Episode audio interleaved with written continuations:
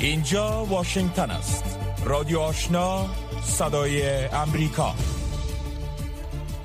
شنوندگان گرامی سلام شب شما بخیر. و برنامه خبری رادیو آشنا خوش آمدید. نسرین محمود عزیزی هستم و با همکارانم برنامه این ساعت 14 ماه جولای سال 2022 میلادی را به توجه می رسانیم اما نخواست همکارم قدیر مشرف با مشروع خبرها. سلام و وقت همه شما بخیر شنونده های عزیز. برنامه انکشافی سازمان ملل متحد یا UNDP در افغانستان برای حمایت از برنامه های توسعه بشردوستانه اقتصادی و اجتماعی قرارداد مشارکتی 20 میلیون دلاری را با بانک جهانی امضا کرد. برنامه انکشافی سازمان ملل متحد روز پنجشنبه 14 جولای با نشر خبرنامه گفت که تطبیق این قرارداد 34 ولایت در 8 زون افغانستان را تحت پوشش قرار می دهد. برنامه انکشافی سازمان ملل متحد گفته است که با توجه به چندین دهه تجربه و تخصص این اداره در حمایت از احیای اقتصادی و جوامع شکنند قرار است 400 سازمان غیر دولتی و نهاد جامعه مدنی را بر اساس ظرفیتشان برای اطلاع رسانی سریع مشارکت و طراحی پروژه انتخاب کند. کمیته بین‌المللی صلیب سرخ با ابراز نگرانی می‌گوید که بهای مواد خوراکی، نفت و دیگر اقلام ضروری در افغانستان به گونه بی سابقه افزایش یافته و شهروندان این کشور توان خرید آن را ندارند. جزئیات بیشتر از احد عزیزاده این کمیته ناوقت روز چهارشنبه 13 جولای در گزارش گفت که پس از مسلط شدن دوباره طالبان بر افغانستان تنها نرخ آرد 68 درصد روغن 55 درصد تیل دیزل 93 درصد و کود کیمیاوی تا 107 درصد افزایش یافته است. کمیته بین المللی صلیب سرخ قطع کمک های بین المللی مسدود ماندن دارایی های این کشور در بانک های خارجی و تشدید خشکسالی در این کشور را از عوامل عمده بحران اقتصادی خوانده است. بر اساس آمار سازمان ملل متحد در حال حاضر حدود 23 میلیون شهروند افغانستان گرسنگی حاد را تجربه می کنند و 95 درصد مردم این کشور غذای کافی برای خوردن ندارند. این سازمان همچنین گفته است که 10 میلیون کودک افغان برای زنده ماندن به کمک های فوری نیاز دارند. برنامه جهانی غذا می‌گوید که از آغاز سال 2022 میلادی تا کنون این نهاد بیش از 18 میلیون نفر را در افغانستان با کمک های نجات دهنده حیات همکاری کرده که در آن 410 هزار متریک تن مواد غذایی و به ارزش 115.8 میلیون دلار پول نقد و کوپون های مواد غذایی شامل می باشد. برنامه جهانی غذا در صفحه تویتر خود امروز پنجشنبه نگاشته است که با حکومت هند یک یادداشت تفاهم را به منظور اکمال ده هزار متریک تن گندم به افغانستان امضا کرده است. این نهاد ملل متحد از آن داشته که نزدیک به 19 میلیون نفر نصف نفوس افغانستان با عدم مسئولیت حاد غذایی مواجه بودند و این چالش با زلزله اخیری که مناطق جنوب شرقی این کشور را در ماه جون تکان داد تشدید یافته است. سازمان بینالمللی مهاجرت در یک گزارش جدید در مورد شمار بیجا شدگان داخلی، عودت کنندگان، مهاجرت های خارجی و آسیب پذیری جوامع و نیازمندی های افغان ارقام تازه ارائه کرده است. جزئیات بیشتر است سحر عظیمی بر اساس این گزارش تحت نام ارزیابی تحرک و نیازمندی های فوری جامعه محور بخش پیگیری ارقام بیجا شدگان در افغانستان از سال 2012 تا ماه اپریل سال 2022 بیش از 5 میلیون و 894 هزار نفر در سراسر افغانستان بیجا شدند که از این میان بیش از 1.8 میلیون آن بین جنوری سال 2021 تا اپریل سال 2022 مجبور به ترک منازل و نقل مکان شدند. با هم در این گزارش سازمان جهانی مهاجرت گفته شده است که از سال 2000 2012 به این سو بیش از 10 میلیون بیجا شدگان پیشین دوباره به ساحات زیستشان برگشتند. که از آن میان بیش از 4.6 میلیون از جنوری سال 2021 تا اپریل سال 2022 دوباره به ساحات اصلی خود برگشتند. بر اساس ارقام ارائه شده در این مدت بیش از 5.6 میلیون نفر دیگر به بیرون از افغانستان مهاجرت کردند و بیش از 5.6 میلیون نفر دوباره به افغانستان عودت کردند. این در حالی است که شماری از کشورها پس از تسلط دوباره طالبان بر افغانستان زمانی که مهاجرت ها به بیرون از این کشور اوج گرفت به گونه منظم به اخراج اجباری مهاجرین افغان اقدام می کنند. ادامه خبرهای افغانستان منطقه و جهان را از رادیو آشنا میشنوید جو بایدن جمهوری ایالات متحده در دومین روز سفر خود به شرق میانه امروز پنجشنبه با یر لپت سرپرست صدارت اسرائیل در تل دیدار کرد در این ملاقات هر دو رهبر با امضای یک اعلامیه مشترک استراتژیک بر همکاری های دو جانبه نظامی و اجازه ندادن به ایران برای دسترسی به سلاح هسته‌ای متحد شدند.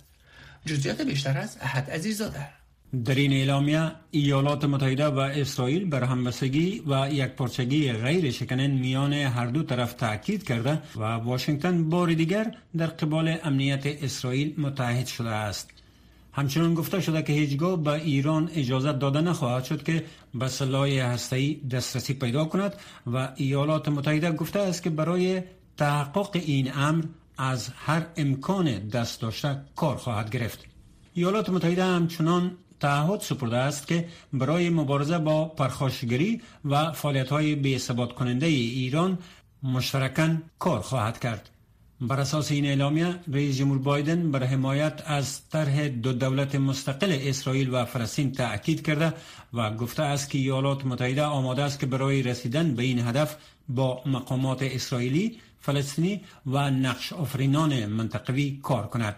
در این اعلامیه رهبران امریکا و اسرائیل نگرانی خود را در مورد جنگ در اوکراین ابراز کرده و هر دو طرف در قبال استقلالیت و تمامیت ارزی آن کشور و ادامه کمک های بشری به مردم اوکراین متحد شدهاند.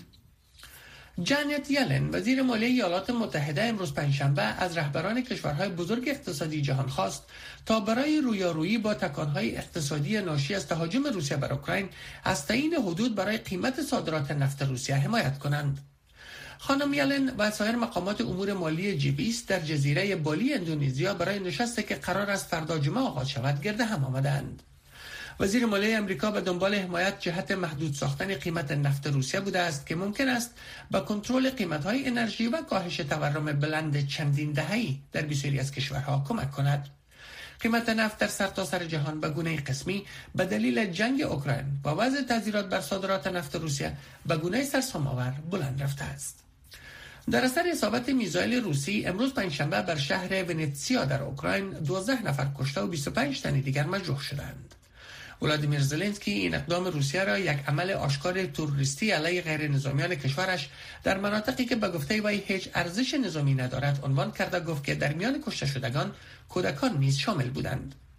پلیس ملی اوکراین گفت که سه میزایل یک ساختمان اداری را هدف قرار داد که ساختمان های مسکونی دور بر آن نیز خسارمند شده و 50 موتر نیز در آتش سوختند. حمله بر شهر ونیتسیا یک روز پس از آن صورت می‌گیرد که دفتر ریاست جمهوری اوکراین از کشته شدن پنج غیر نظامی در حملات روسیه در روز چهارشنبه خبر داده بود. دهها وزیر کشورهای مختلف جهان در هالند گرد هم میآیند تا با لویسارانوار محکمه بینالمللی جنایی در مورد چگونگی بهترین روش برای هماهنگ کردن تراشها جهت محاکمه عاملان جنایت جنگی در اوکراین بحث کنند. از آغاز تهاجم روسیه بر اوکراین در 24 فوریه سربازان روسی به کرات به سوی رفتار و نقش طیف وسیع کشتار غیر نظامیان متهم شدند. این اتهامات شامل کشتار غیر نظامیان در قریه بوپا، حملات مرگبار بر تسهیلات ملکی مثل بمباران 16 مارچ بر یک تئاتر در ماریوپول است که بر اساس تحقیق اسوسییتد پرس نزدیک به 600 کشته بر جا گذاشت. حدود 40 کشور از اتحادیه اروپایی و سرتاسر جهان امروز پنجشنبه در این کنفرانس حضور خواهند داشت. صندوق بینالمللی پول می‌گوید که به یک توافق اولیه برای فراهم کردن 6 میلیارد دلار کمک مالی به پاکستان دست یافته است. این اعلامیه روز پنجشنبه صندوق بینالمللی پول زمینه را برای احیای معاهده سال 2019 پاکستان فراهم می کند که از سال گذشته به این سو با بحران جدی اقتصادی دست و پنجه نرم می کند. آزادسازی اندک بیش از یک میلیارد دلار در سال روانی میلادی به خاطر نگرانی های صندوق بینالمللی پول درباره پایبندی پاکستان با شرایط کمک مالی توسط حکومت به رهبری عمران خان صدر پیشین این کشور متوقف شده بود. و رئیس جمهور فراری سریلانکا که کشورش را به قصد مالدیو ترک گفته بود امروز پنجشنبه توسط یک تیاره عربستان سعودی به اندونزیا رفت گوتوبایا پاکسا پس از آن اول صبح چهارشنبه با یک تیاره نظامی کشورش را ترک کرد که مظاهره کنندگان به دفتر کارش و اقامتگاهش هجوم برده خواهان استعفای وی شدند. آقای راجا پاکسا تعهد کرده بود که در اواخر این هفته از سمتش استعفا می دهد اما در عوض صدر سریلانکا را به حیث سرپرست ریاست جمهوری تعیین کرد. این تغییرات سیاسی باعث خشم بیشتر افراد شده است که حکومت را به ایجاد بحران اقتصادی و کمبود مواد اولیه مثل نفت و مواد غذایی متهم می کنند. پایان خبرهای افغانستان منطقه و جهان از رادیو آشنا صدای امریکا شنوندگان گرامی رادیو آشنا صدای امریکا نشرات رادیو آشنا را در موج متوسط 1296 موج کوتاه 11575 اشاری صفر و در موج 972 کیلوهرتز شنیده می توانید.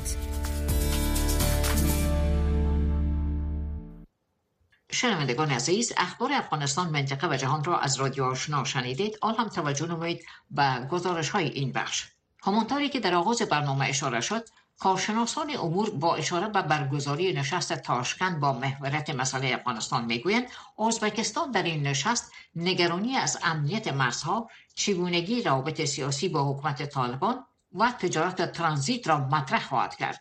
قرار است که هیئتی از حکومت طالبان نیز در این نشست اشتراک کند. جزئیات بیشتر را در این گزارش میشنوید. قرار است که ازبکستان به تاریخ 25 و 26 ماه روان میلادی میزبان نشست بین المللی در مورد افغانستان باشد. ولادیمیر ناراف سرپرست وزارت امور خارجه ازبکستان به تازگی در میزگرد در مسکو گفته است که در این نشست بیش از 20 کشور حضور خواهند داشت و تاشکند توقع دارد که هیئت از طالبان نیز در آن اشتراک کند. بلال کریمی معاون سخنگوی حکومت طالبان و نیوز اشتراک هیئت از طالبان را بر رهبری امیرخان متقی سرپرست وزارت خارجه در این نشست تایید کرده و گفته است که موضوع حکومت طالبان در این نشست با اشتراک کنندگان شریک خواهد شد اما ازبکستان با برگزاری این نشست به دنبال چیست؟ رضا قاسمی کارشناس امور صلح و روابط بین در پاسخ گفت. هدف اساسی تاشکند از برگزاری این نشست ضمن از که نگرانی کشورهای منطقه را به ویژه روسیه و چین را می‌خواد باسلاب بتن می‌خواد بیشتر روی روابط دو جانبه با افغانستان تمرکز داشته باشه و این روابط دو جانبه در سه بخش می‌تونه مورد بحث قرار بگیره با مقامات فعلی افغانستان. یکی مسئله امنیت مرزی ازبکستان هست دوم موضوع بهبود روابط اقتصادی و ترانزیت و سوم روابط سیاسی است که برای ازبکستان اهمیت ویژه و حیاتی دارد. با گفته آقای قاسمی حملات راکتی چند هفته پیش از افغانستان بر خاک ازبکستان و همچنان فعالیت جنبش اسلامی ازبکستان طی دو دهه گذشته در افغانستان و شورش ها علیه دولت در تاجیکستان مواردند که تاشکند را نگران امنیت مرزی و داخلیش ساخته و حتی آن را در معرض خطر قرار داده است. سید جواد سجادی استاد روابط بین‌الملل به صدای آمریکا گفت گرچه در مورد آجندای این نشست معلومات دقیق وجود ندارد اما نحوه تشکیل حکومت فراگیر در افغانستان حضور پیکارجویان افراطی در این کشور قاچاق مواد مخدر از افغانستان به کشورهای همسایه و در کل مسائل ناامنی در افغانستان محور مباحث تاشکند خواهد بود. آقای سجادی با اشاره به اینکه رئیس جمهور ازبکستان سیاست تشنج زدایی را با همسایگان دنبال می کند گفت ازبکستان به این باور است که با محور قرار دادن مسائل اقتصادی به اهداف سیاسی و امنیتی خود نیز می تواند برسد و آن هم حضور نیروهای حرکت اسلامی ازبکستان در خاک افغانستان است. حکومت ازبکستان بر این باور است که اگر بتواند یک رابطه تنگاتنگ اقتصادی با طالبان برقرار بکنه و یک علاقه اقتصادی رو ایجاد بکنه قهرن از این طریق می‌تواند عرصه را بر گروه های افرادگرای ازبکستانی در افغانستان تنگ بکنه و حکومت طالبان به خاطر منافع خودشان هم که به نیروهای ازبکستانی اجازه فعالیت آزادانه را ندهد. طارق فرهادی کارشناس سیاسی نیز گفت که ازبکستان نگرانه های امنیتی در مرز خود با افغانستان دارد و می‌خواهد در این نشست توجه بین المللی را به این نگرانه ها جلب کند. اما آقای فرهادی در مورد حل مسئله افغانستان با برگزاری چون نشست ها گفت مشکل فعلی افغانستان در خارج افغانستان حل نمیشه در داخل افغانستان طالبان باید که تغییرات و اصلاحات بیارن.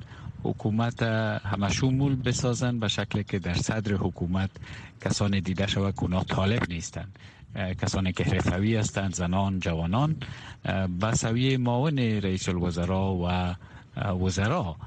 در اون صورت است که افغانستان می‌تونه که به رسمیت شناخته شود و این چیزهایی است که حتی چین و روسیه هم خواستارش هستند برای خود افغانستان هم به سودش است که حکومتش به رسمیت شناخته شود. احمد سعیدی دیپلمات سابق افغانستان به این عقیده است. همانطور که ازبکستان گفته است این کنفرانس برای به رسمیت شناختن حکومت طالبان نیست بلکه هدف از برگزاری این کنفرانس ارزیابی وضعیت کنونی و آینده افغانستان است. زیادتر قضاهای منطقه بررسی میشه. یعنی آینده افغانستان نقش حکومت آینده افغانستان نقش حضور تروریسم در منطقه ابعاد مختلفی بررسی میشه. یعنی عوامل انگیزه هایی که در افغانستان اون که می‌ذاره آینده توریسم روابط و کشورها بررسی میشه. یعنی یک کنفرانس تحقیقی و بررسی علمی است. نه کنفرانسی دیپلماتیک و سیاسی. این نشست سه هفته پیش از یک سالگی تسلط حکومت طالبان بر افغانستان برگزار می شود طالبان پس از 15 اگست 2021 به قدرت رسیدن اما حاکمیت این گروه را هنوز هیچ کشور به رسمیت نشناخته است. ایجاد حکومت همه شمول متشکل از همه اقوام و ها روایت حقوق بشر به شمول حق کار و آموزش زنان و دختران و قطع روابط با گروه های توریستی از مواردی که جامعه جهانی برای مشروعیت بخشیدن به طالبان شرط قرار داده است. رادیو آشنا صدای امریکا منبع موثق خبرها و گزارش های جهان و افغانستان. حکومت ازبکستان در نظر دارد نشست دو روزه بین المللی را در تاشکند پایتخت آن کشور با تمرکز بر وضعیت در افغانستان و مسئولیت های جهانی طالبان دایر نماید. در این نشست که از 25 تا 26 ماه جولای برای خواهد افتاد در کنار 20 کشور دیگر از طالبان نیز دعوت شده است تا در آن شرکت کنند. این در حالی است که ازبکستان نگران امنیت مرزها و چگونگی رابط سیاسیش با طالبان است. من نسرین محمود عزیزی در زمینه مصاحبه با دکتر آصف مبلغ پژوهشگر در دانشگاه اقدینیز ترکیه انجام دادم که پیشکش شما میگردد. آقای مبلغ به نظر شما تاثیر چنین گردمایی ها و نشست ها بر طالبان چی است؟ آیا اونا رفتار خود تغییر خواهد دادن مسئله برمیگرده به این که اگر ما واقعا معتقد به حقوق بشر حقوق زنان استانداردهای جهانی راجع به حقوق اقلیت ها و به اصطلاح نرم زندگی انسانی در یک جامعه باشیم من احساس می‌کنم طالبان به هیچ وجه به ارزش های جهانی مثل حقوق بشر حقوق زن حقوق اقلیت ها تن نخواهد داد به دلیل اینکه گروه طالبان یک گروه کاملا ایدئولوژیک هست که ایدئولوژی آنها یعنی قرائت آنها از اسلام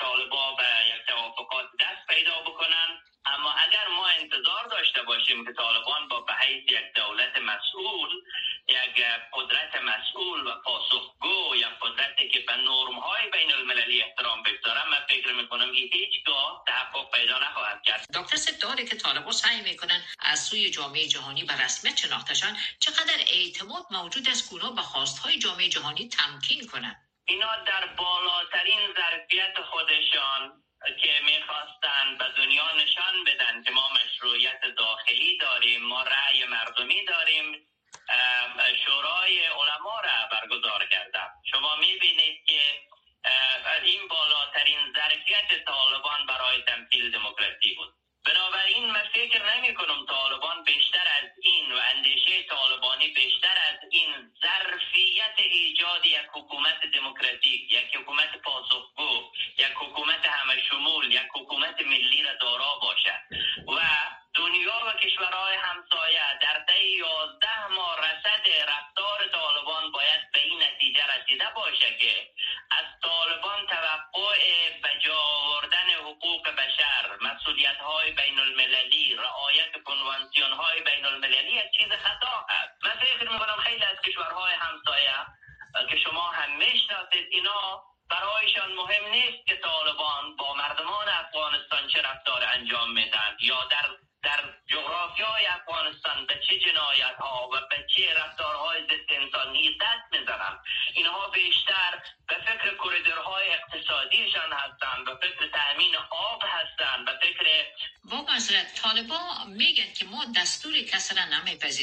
اگر طالبا به همین شکل پیش برن عکس جامعه جهانی چی خواهد بود؟ یک چیز را من به یقین می‌تونم برای شما بگویم و او هم هست که شعارهای اعلامی طالبان همین هست که ما دستور هیچ کسی را نخواهیم پذیرفت. اما واقعیت این هست که طالبان امروز و مافیای تأمین منافع اقتصادی تأمین شده تبدیل شده. و در پشت پرده اگر در یک سری به اصطلاح توافق هایی که منافع آنها منافع جمعیشان و منافع باندیشان و منافع گروهیشان تأمین شود با هر کشور حاضر به معامله هستند. اما این که بیاید یک حکومتی را که برخواسته از مردم افغانستان باشد به وجود بیاره من معتقد هستم به هیچ عنوان نظام طالبانی ظرفیت را نداره اما در این که ادعای استقلال می‌کنن در این که ادعا می‌کنن از کشور دستور نمی‌گیرند کاملا یک رفتار پوپولیستی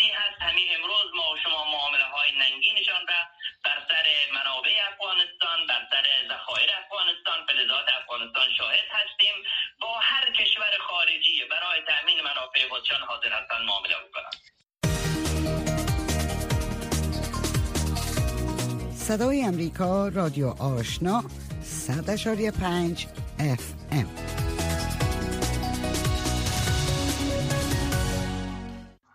و در ادامه گزارش ها جو بایدن رئیس جمهوری ایالات متحده امریکا در اولین سفرش به شرق میانه باعث رئیس جمهوری این کشور گفته است که اسرائیل را تشویق می کند تا توانایی های دفاعی را با همسایگان عرب برای مقابله با ایران تقویت بخشد. خبرنگار صدا امریکا در زمینه گزارشی دارد که تفصیل آن را از رویا زمانی میشنوید جو بایدن رئیس جمهوری ایالات متحده امریکا در آغاز سفرش به شرق میانه گفت برای ممانعت به دستیابی ایران به اسلحه هسته‌ای از احرام فشار بر آن کشور استفاده می کند و حمایت قوی خود را از اسرائیل بیان داشت.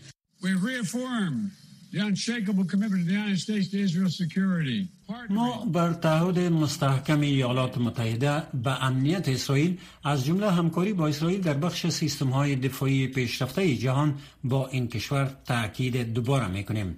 آقای بایدن از بخش سیستم های دفاعی راکتی از جمله سیستم راکت آهنی دوم و بیم که ایالات متحده میلیون ها دلار به آن کمک کرده است دیدن کرد. ایتان گلوبو کارشناس روابط امریکا و اسرائیل در دانشگاه بار ایلن می‌گوید که واشنگتن بر اسرائیل تاکید دارد در بخش تقویت توانایی های دفاعی خود با همسایگان عرب همکار باشد و این اقدام پیام برای ایران می باشد. شما آخرین فرصت برای بازگشت به توافق هسته‌ای سال 2015 را دارید. در غیر آن ایالات متحده از یک سیستم دفاعی منطقه‌ای علیه شما حمایت و کمک مالی از آن خواهد کرد. رئیس جمهور بایدن در یک مصاحبه تلویزیونی اسرائیلی بیان داشت که از فشار و زور علیه ایران با عنوان آخرین راه حل استفاده خواهد کرد. در حالی که بایدن از منطقه شرق میانه دیدن می کند اسرائیل علاقمند است تا تعاملات عمیقتری را با جهان عرب دنبال کند. یارت لبت صدر اسرائیل می گوید ما در پی پیمان ابراهیم و دستوردهای نشست نگف در مورد ایجاد چارچوب جدید امنیتی و اقتصادی با کشورهای شرق میانه هستیم و ما در مورد نیاز تجدید یک ائتلاف قوی جانی که برنامه هسته ایران را متوقف کند بحث می‌کنیم. توافق ابراهام قرارداد دوران ترامپ است که روابط دیپلماتیک بین اسرائیل و کشورهای عربی را عادی ساخت. در حالی که کشورهای عربی تعامل با اسرائیل را عمیقتر می سازند درگیری ها در کرانه غربی و نوار غزه همچنان ادامه دارد. زها حسن آگاه مسائل امور در مؤسسه کارنگی برای صلح بین المللی می گوید مسئله فلسطین تا حد زیادی از طرح پیمان ابراهیم خارج شده است و تمرکز بر توسعه روابط اقتصادی منطقوی بین اسرائیل و همسایگان عرب آن بیشتر شده است و آن هم به قیمت حاکمیت فلسطینی ها تمام می شود. قرار است که جو بایدن روز جمعه با رهبران فلسطینی دیدار کند و این در حال است که آقای بایدن یک باری دیگر حمایت خود را از راه حل دو کشوری تکرار خواهد نمود. به نظرم این بهترین راه برای تضمین آینده برابر آزادی، رفاه و دموکراسی برای اسرائیلی ها و فلسطینی ها به طور یکسان می باشد. آقای بایدن اولین روز خود را با بازدید از یاد بوده هولوکاست اسرائیل به پایان رساند جایی که او به میلیون ها یهودی کشته شده در جنگ جهانی دوم ادای احترام کرد و همچنان با بازماندگان این رویداد تاریخی ملاقات کرد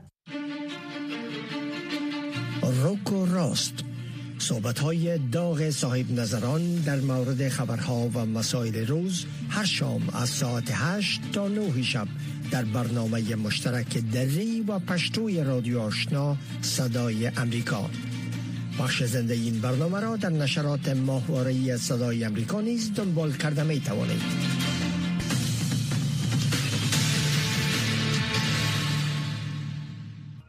این هم آخرین گزارش این بخش. قیمت گاز تجدید برنامه هسته ایران و ثبات منطقی از اولویت های جو بایدن رئیس جمهور آمریکا در سفرش به شرق میانه است. اما گروه های مدافع حقوق بشر می‌گویند قتل شیرین ابو عاقله و جمال خاشقچی خبرنگار و نویسنده روزنامه واشنگتن پست نیز باید در این دیدار صحبت شود. سندی سین خبرنگار صدا آمریکا گزارشی دارد که برگردان آن را از فوزی احسان میشنوید. جو بایدن رئیس جمهور امریکا روز چهارشنبه سفر چهار روزه و شرق میانه را از تل ابیب آغاز کرد. ملاقات با رهبران اسرائیل و فلسطین در این سفر شامل است و بعد از آن رئیس جمهور بایدن به عربستان سعودی سفر می کند. این اولین سفر رئیس جمهور بایدن به شرق میانه است.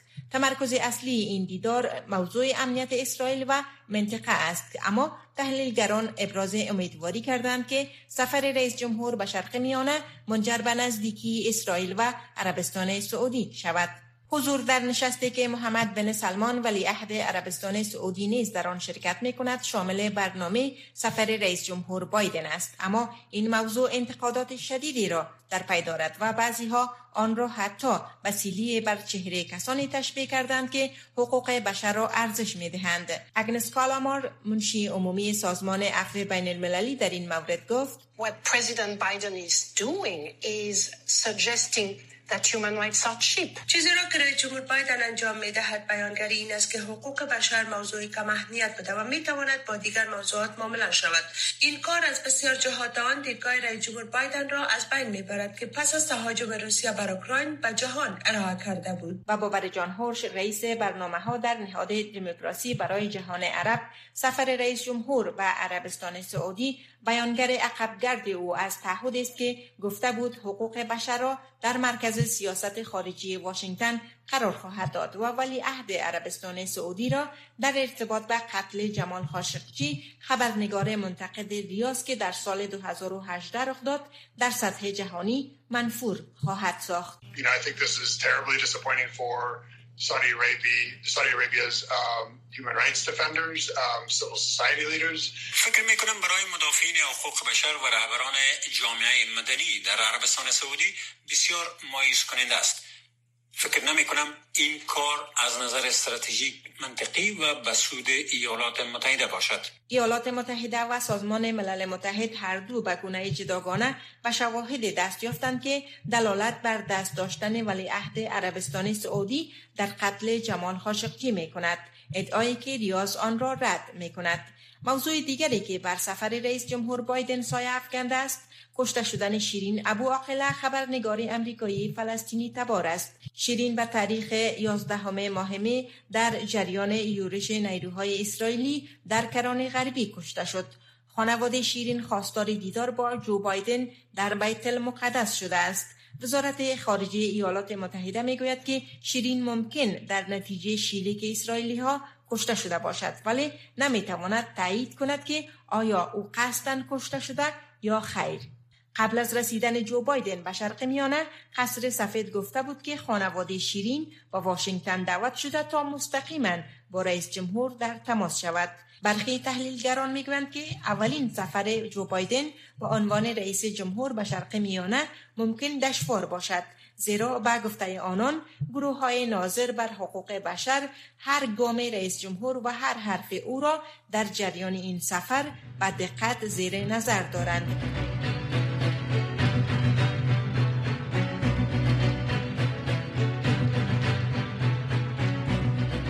شنوندگان عزیز این بود داشته های این برنامه خبری که در همین جا به پایان رسید. اما نشرات پشتو و دری رادیو آشنا همچنان ادامه دارد. با ما باشید.